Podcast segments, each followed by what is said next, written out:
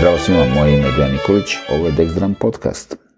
U prethodne dve epizode smo imali prilike da čujemo intervjue sa dva vrhunska svetska bubnjara s naših područja, jel?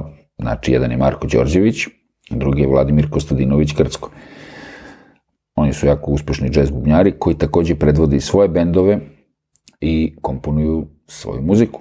Međutim, ono, pre više godina se pojavio film koji se zove Whiplash, a, koji su mi svi savjetovali da gledam. Učenici su mi dolazili stalno, jao, jao, za, mislim, zašto u stvari želim da pomenem Whiplash? Zato što e, kroz priču sa Markom i sa, sa Krckom i sa gomilom drugih ljudi koji su studirali džez i koji su bili na raznim školama i svi mi koji smo bili na raznim muzičkim školama ili akademijama, ovaj, nemamo takvo iskustvo kao što je u tom filmu Whiplash imao glavni karakter filma. A, I mislim da takva iskustva, tako drastično iskustva realno i ne postoje.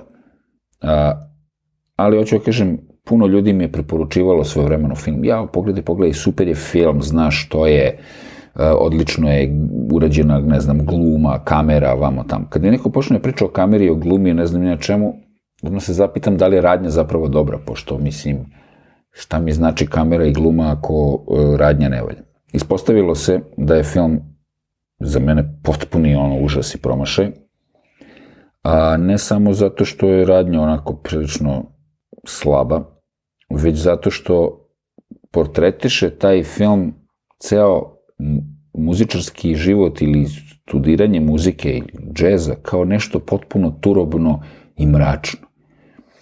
To je meni bilo najstrašnije od svega. Kao da su džez škole neki a, ovaj, kazneni popravni domovi, to tako izgleda. I naravno sad kao glavni taj band director koji kao vodi celu priču, ovaj, maltretira tog bubnjara iz nepoznatog razloga, pošto on kao vodi band practice, ne vodi uopšte, nije bubnjar čovek, zašto on maltretira bubnjara, zašto baš ovog dečka, kao to je sve onako nekako malo a, nejasno. A, naravno sve mi kaže, ja, ali J.K. Simmons je super odigrao ulogu. Pa dobro, super je on odigrao ulogu, ali film je užasan u stvari. Znači, to maltretiranje, to u realnom životu stvarno na taj način ne postoji.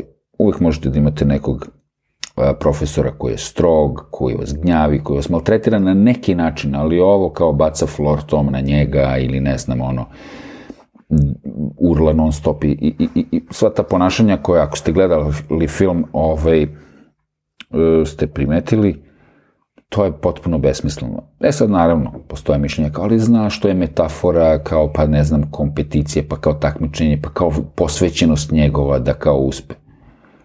Mislim, film je napravljen kao da idemo u boot camp, a ne na neku jazz školu. Da ne pričamo o drugim stvarima koje su potpuno pogrešne od toga kakav on bubanj svira, mislim, to nijedan jazz bubnjar ne bi držao bubanj na taj način. Uh, od, od toga da kao bolje da su našli bubnjara koji svira, koji, koji može nekako da glumi, nego neko glumce koji onako jedva nešto može da svira bubanj. On izgleda jadni nesretnik, onako ukočeno, strašno, onako kad biste svirali, dobili biste upale svega i svačega, mislim.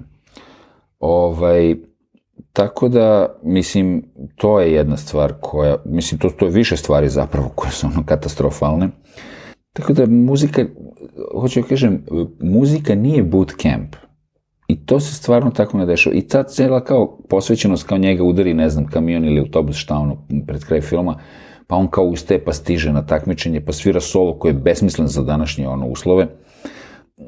Sve sve kao neka trka i kao neka ovaj, to dokazivanje, kao da je muzika trka na 100 metara, i kao da je to neka, neki ono military camp, kao ne znam, kao idemo sada u boj, mislim, to totalno izgleda katastrofalno.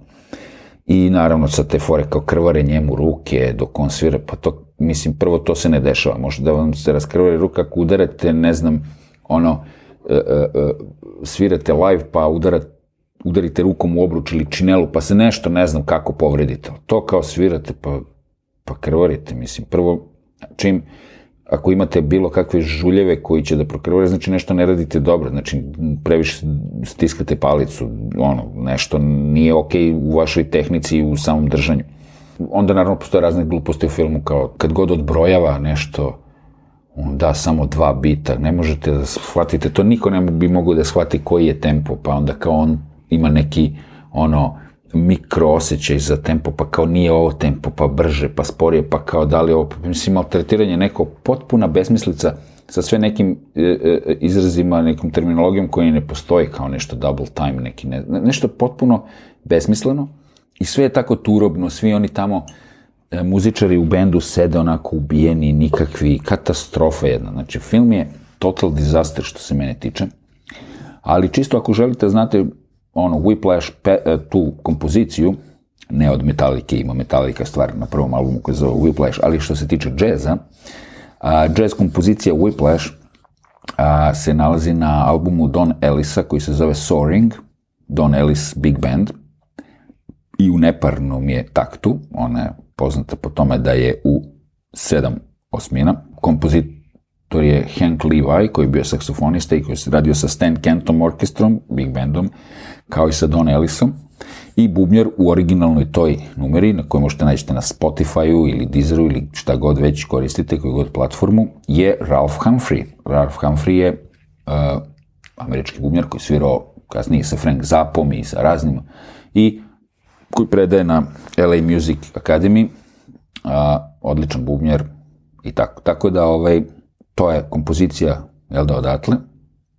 A, međutim, kažem opet, sve to što se dešava u filmu, ceo taj način na koje to, to mislim, ja kapiram da je a, reditelj teo da metaforično predstavi tu neku želju za uspehom, takmičarski duh, ono, posvećenost i tako dalje, ali Mislim da je mislim da je način na koji je to uređeno veoma pogrešan i da u stvari potpuno lošu sliku pravi uh, i stvara ono, koju možete da dobijete kao šta je to džez uopšte. Ne, tu nema ni džeza, mislim, nema nikakve muzike u filmu. Film, u filmu se nigde ne osjeća neka ljubav prema muzici, samo neka frenetična opsednutost glavnog lika da on bude, ne znam, najbrži i naj ono bolji i neki tip ga kao maltretira, mislim. To što je on dobio neke tamo nagrade i ne znam nije šta, mislim, to je Hollywood i ko zna koje su sad tu putevi, ne želim uopšte da razmišljam o tome,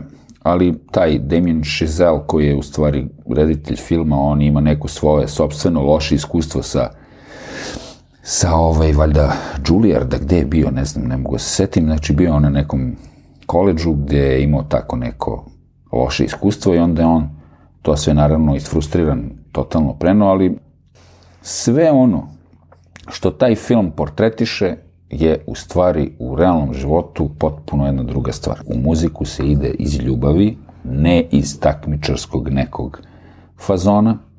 Nije bitno da li ste najbrži, nije bitno da li ste najbolji, bitno je da volite muziku, da volite svoj instrument, da volite to što svirate i ako nađete, ako naiđete na nekog profesora nekad koji je malo neprijatniji, ok, kao nema veze, ali niko se neće tući, gađati nečim, jer mislim čovjek bi dobio otkaz, mislim ko bi to trpeo, mislim taj mazohizam, mislim ono, ja ne znam koliki treba da ste kreten da, da, da, da to trpite, niti ko bi njega tolerisao takvog. Tako da, mislim, to preterivanje je besmisleno i ovaj, naravno, ovaj, sve te neke stvari na koje ljudi nisu obraćali u tom filmu, od toga kao kako neko drži palice do ono kao kako, kako izgledaju bubnjevi, do, mislim, gomila nekih stvari koje stvarno bi moglo, čak i u samom editingu on svira, ne znam, udari hi-hat, ono, čuje se tom-tom ili nešto tako. Mislim, mogli su malo dobrate pažnju na to, ali valjda je bilo bitno da se pokaže taj neki Marine Bootcamp fazon više nego da se priča realno o muzici. Kažem ponovo, muzika se svira iz ljubavi, uči se muzika iz ljubavi, svira se instrumenti iz ljubavi, to je prva stvar. Morate da volite to sve.